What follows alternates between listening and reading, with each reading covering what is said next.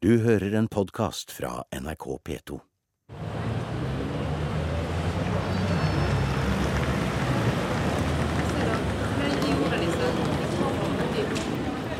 Det er ikke mange steder man møter fortiden i form av fornminner fra stenalderen og fram til keltere- og vikingetid. Så sterkt og overalt og i så flotte former som her på Orknøyene. Dette lille øyriket ligger ikke langt ute i havet som Shetland og Færøyene, men bare noen få kilometer fra det skotske fastlandet. Og her i Main Street Kirkwall, hovedstaden på Orknøyene, er det livlig trafikk, og alt virker som en helt vanlig liten by på landsbygda i Skottland. Hadde det bare ikke vært for vikingene. The whole identity question is becoming tremendously important to people to see the shape of their own idea of ancestry. And Vikings are such a strong image. People learn about Vikings when they're small children at school, usually about maybe eight or nine or ten, and they want to see somewhere where they know that Vikings have been. So that's also tremendously enriching for people to be able to get here and see something that still stands, that is connected with an actual named person. in What is a Viking? It's, you know, we. Some people think that when the Vikings arrived in Orkney in Shetland, they wiped out the whole of the population. Um, I just don't think the evidence, personally, is, is strong enough to suggest that. So then the question is when does a Viking become a Viking, if you like? Ja, når blir en viking en viking, spør Andy Hild på Skottlands nasjonalmuseum. Vi skal møte ham igjen i Edinburgh litt senere i programmet, for å høre om pikterne, som var det folkeslaget som bodde på Orknøyene da vikingene kom.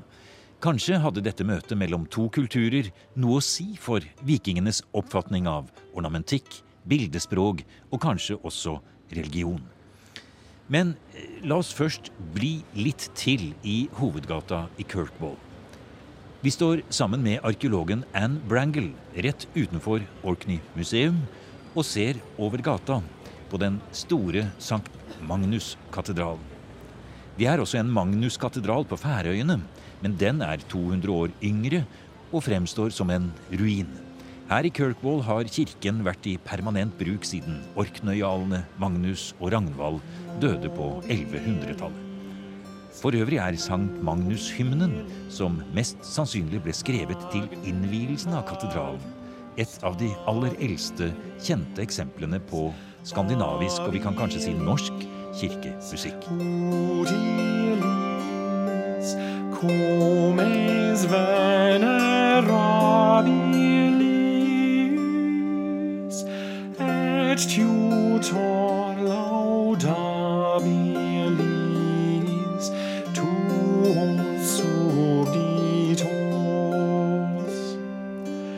Serva carnis fragilis mole positos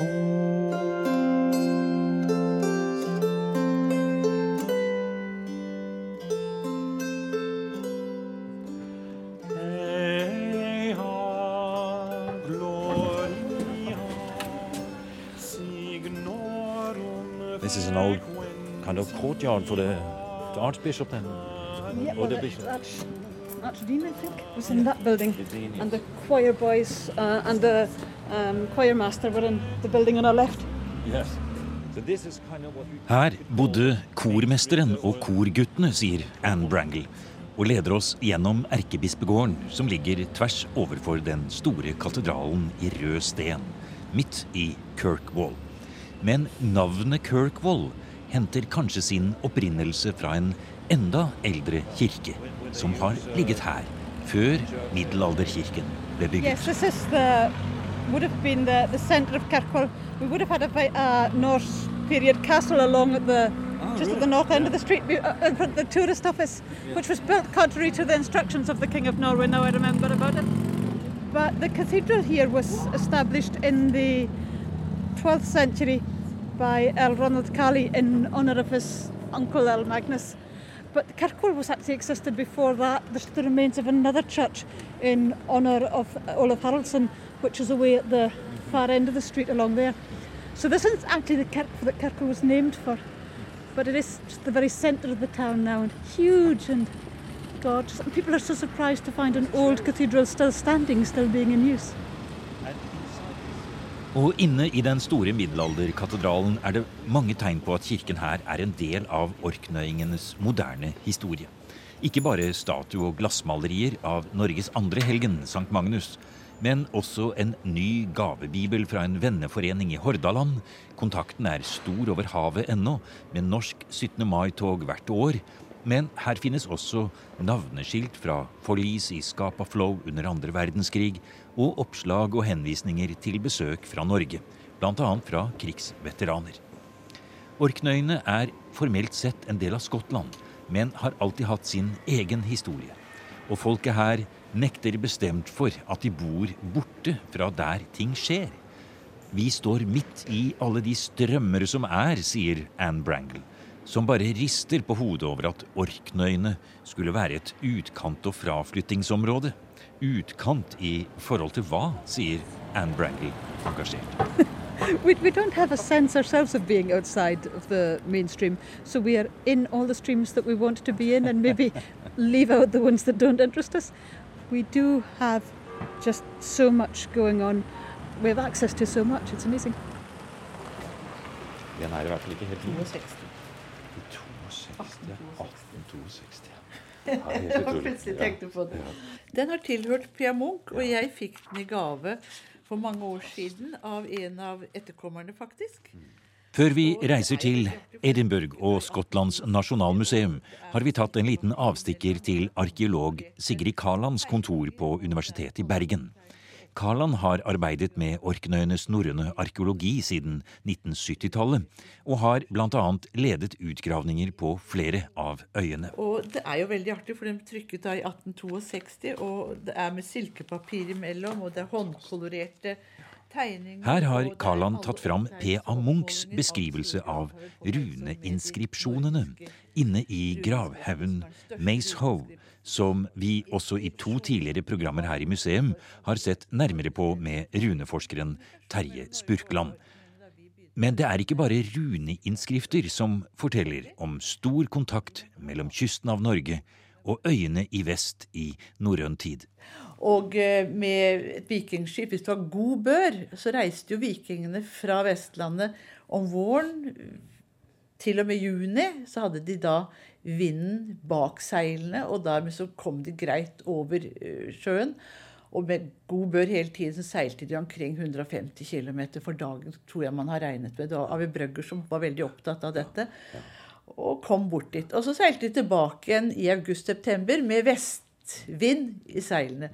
Men kom de seg ikke tilbake da, så står det i sa- sagaene, så måtte de være vinteren over på Orknøyen, for da ble været så ille.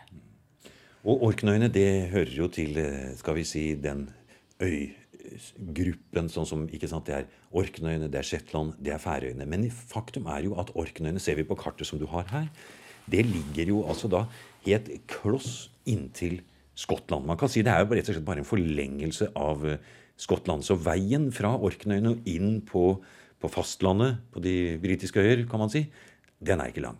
Nei, den er veldig kort, selv om det er et stygt eh, havstykke som heter Penslandsfjorden, som ikke er veldig, veldig god å krysse pga. at det er eh, motstrømsforhold der, og det vet norske skip som har seilt den veien.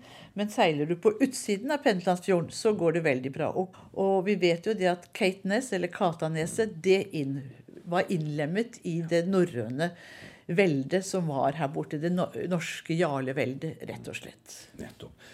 Og det er ikke for ingenting at eh, Pia Munch og også dere på, på, på 60- og 70-tallet gjorde eh, mange interessante funn her. Fordi at disse øyene Det er jo mange øyer, 60, 67 øyer, eller masse store og små øyer her. Ja. Altså, Det er vel ikke mange steder det er så tett med eh, si, funn og fantastiske steder å, å, å grave og arbeide.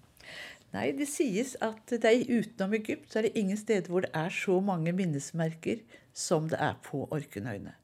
Og selv Norge har jo ikke så meget, for her beveger du deg altså Innen en kilometer så beveger du deg over 2000-3000 år foran dine øyne på en gang, fra de første bosettere og opp til vår egen egen tid vil du kunne følge alle perioder i hjelp av monumenter som ligger i strandsonen, og til bøndene som dyrker disse veldig, veldig fruktbare områder i dag. Så er, her er virkelig kontinuitet i tid i det å utnytte et landskap både på land og utnytte havet på den andre siden. Og så har det jo en veldig strategisk beliggenhet. At det ligger kort vei fra Norge, politisk nord for Skottland. Lett å nå Skottland og reise enten ned på vestsiden eller på østsiden. Så følger du vestsiden, så jo, runder du over til Bridene, og så er du ned til Isle of Man. Og så har du Dublin rett inn. Og dette ble jo Orknøyenes styrke, at det ble et politisk sånn stronghold som veldig lett kunne nå de britiske øyer på alle mulige måter. Og det er jo det vi ser igjen i bl.a. noen av de funnene som er gjort på Orknøyene. Ja, Hvis du forteller litt om det, Karl-Han. Hvis du, du, sier dere var der og arbeidet mye med arkeologiske utgravninger på, i, i 69 og 70 og, og, og, der omkring. Hvor var dere da? Hva fant dere der? Hva var dere arbeidet med der? Jo, Vi arbeidet på en øy som heter Rosie, eller Rolfs øy. Ja, selvfølgelig. Rolfsøy. Ja, ja, Rolfsøy. Ja, Ser vi den på kartet ditt her? Der, ja. her. Rolfsøy kaller de det, ja. Men Ja. det er Rolfsøy, Det er Rolfsøy. selvfølgelig. Ja. Og det som jo også er veldig morsomt når du En liten øy, for så vidt. Ja, kan for, man si. for så vidt så er det en liten øy, men det er veldig artig fordi at stedsnavnsmaterialet, det er jo å lese det norske materialet. Og det er et av de store eh, spørsmål som reiser seg da på Orknøyene. Det er hvordan kan navnematerialet fortelle så mye om den det er vanskelig å bruke skal vi si, norske eller den norrøne bosetningen som har funnet sted her. Nettopp. Og- Eh, fordi at her snakker man om Svartafjoll, Ja. eller Det svarte fjell. Ikke sant? Man Ja. snakker om Myklavann eller Møkkelwater. Så her er det de norske navnene som går igjen hele tiden. Egilsøy er jo her like ved siden av deg. som ligger ved siden av. Her har du Vesterøy. Ja, ja. Så har du Sandøy. Så har du Saueøy. Har du sett på maken? Ja. Og så har du altså da ja. Alle disse andre navnene som kommer ved siden av. det det, blir som på Isle of Man, hvor det høyeste fjellet heter Snøfjell, og Ja, ja, elven heter Lakselv og Tingvoll og så Og, videre. og det er det som er jo litt artig. Men her har de altså da i stor grad dekket over alle de andre lokale navnene som var her før Det det kom seg, ja. folk fra For du sier de har dekket over, for det har jo vært folk her selvfølgelig lenge før vikingene og tidlig vikingtid. Det har jo vært selvfølgelig bosetningene, vet vi veldig godt. fordi at nettopp her, hvis vi nå tar veien fra nær sagt Kirkwall og opp til Egilsøy på kartet her, så passerer vi jo flere ting, minnesmerker, som eh, helt tydelig viser at her har det vært stor bosetting helt tilbake til en 2000-3000 år før Kristus. Ja, her er, her er landsbyer bygget av stein som ligger helt ned i fjæresonen, hvor du nesten kan tro at du går inn i en stue fra Setesdalen med, med skap og senger bygget i stein, alt sammen. Hvor, og det ligger i flere etasjer som et moderne leilighetskompleks, på sett og vis. Og man finner altså alt det de har levet av og utnyttet av ressurser i sjøen og på land. Bein og skjell og fiskebein og, og, og det hele. Og, Og de har jo ikke bare levet, men de skulle jo også gravlegges. Og vi finner de store gravmonumentene som er der, hvoriblant bl.a. The Mayshow. Og jeg syns det er spennende også at man finner et annet område som heter Orfir. Der er det rester av, en stor, eh, av et stort hus, og så er det rester av en liten rundkirke hvor man reiste, jarlen reiste til Jerusalem. Og kom tilbake og påvirket av rundkirken i Jerusalem. Og reiser av en liten rundkirke helt til nord på Orknøyene. Og også den er det rester av. Og så kommer altså Magnus, som da blir Norges annen helgen på linje med Sankt Olav, og til hans ære reises da Magnuskatedralen. Så på en måte så er det så knyttet opp mot det norske på alle mulige måter som få andre steder er utenfor Norges grenser i dag. Men her, altså da, for å avslutte med det. Her på Rolfsøy, som dere da gravde, og det er vel den siste store norskledede arkeologiske utgravningen kanskje som har vært på Orknøyene, eller? Ja, det er det. Ja. Det er vel faktisk den eneste store norske Ja. undersøkelsen som har vært på Orknøyen som sådan. Ja. Og der er det avdekket eh, rester av et stort gravfelt med graver fra det nyfødte barn eh, og til eh, en befolkning som har vært opptil 60 år gammel. Kvinner, menn og barn. Det er hus, et gårdsanlegg Og det er rester av et naust. Og, og, og dateringen som dere har på dette? Og Dateringen på dette det varierer litt grann alt etter hvor vi befinner oss, men vi har dateringer som går fra 5. århundre og opp til 1100-tallet. Og så ligger middelalderkirken da. Den ligger noen hundre meter bortenfor igjen. Så her får man en veldig stor kontinuitet. Og rett over, over sundet ligger da det store jarlesetet på det som heter Bursey. Som norske store eh, storjarlen Torfinn bygget da han var blitt jarl til seg selv som bosete. Og laget den første Kristkirken. Den ble reist der. Så det var der faktisk da i vikingtid at hovedbosettingen var? Altså ikke der hvor Kirkwall nei, er i dag? Nei, den lå faktisk så lå det på Bercy, som er vis-à-vis Ja, her. nettopp. Der, ja. Og, men i det øyeblikket Magnus dør, så blir han gravlagt på, i Kristkirken på Bercy. Så skjer det en masse mirakler rundt hans grav. Faktisk parallelt med det som skjer med Olav den hellige. Og så beslutter man at, den skal, at det skal reises en katedral til ære for Magnus. Og den blir reist da i Kirkvoll. Og i det øyeblikket den katedralen blir reist til Magnus' ære, så flyttes også det politiske maktsenteret fra Bercy og inn til Kirkvoll. O quam felix ernitur, hinc Orcadia.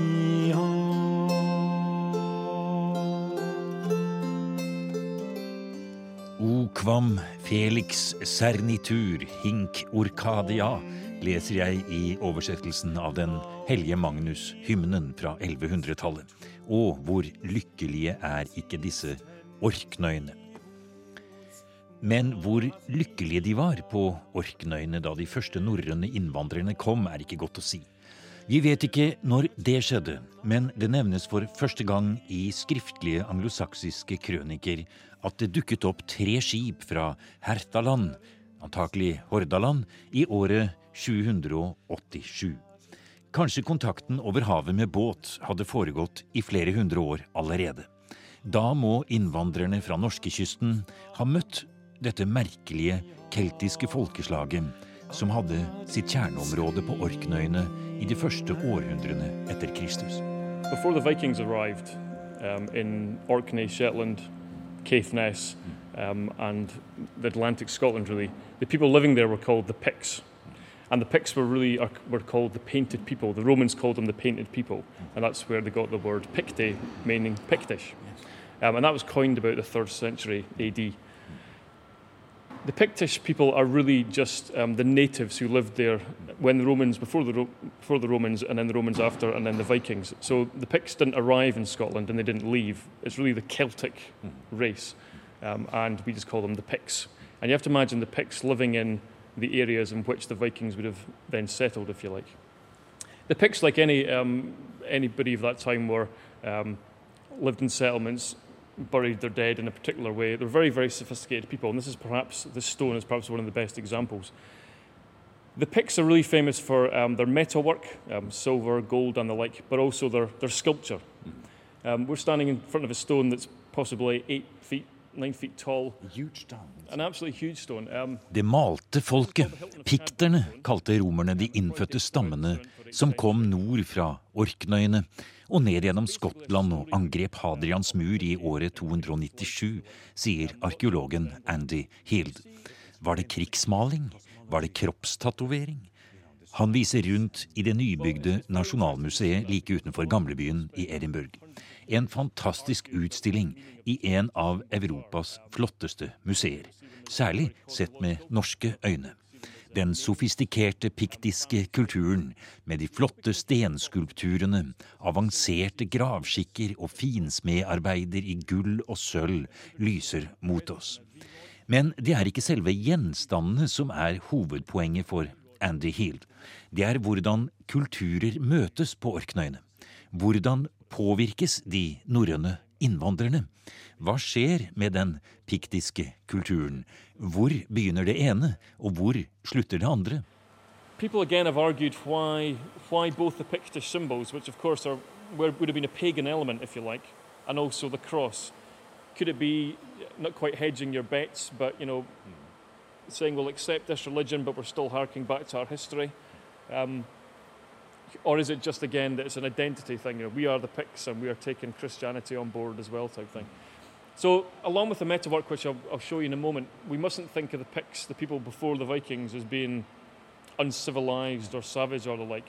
Um, the Vikings definitely came to a group of people who were very, very sophisticated. And of course, it's exactly the same as um, the religious groups, people who had lived in Iona, very sophisticated people, uh, writing, which we take for granted now, um, beautiful illuminated manuscripts and beautiful metalwork.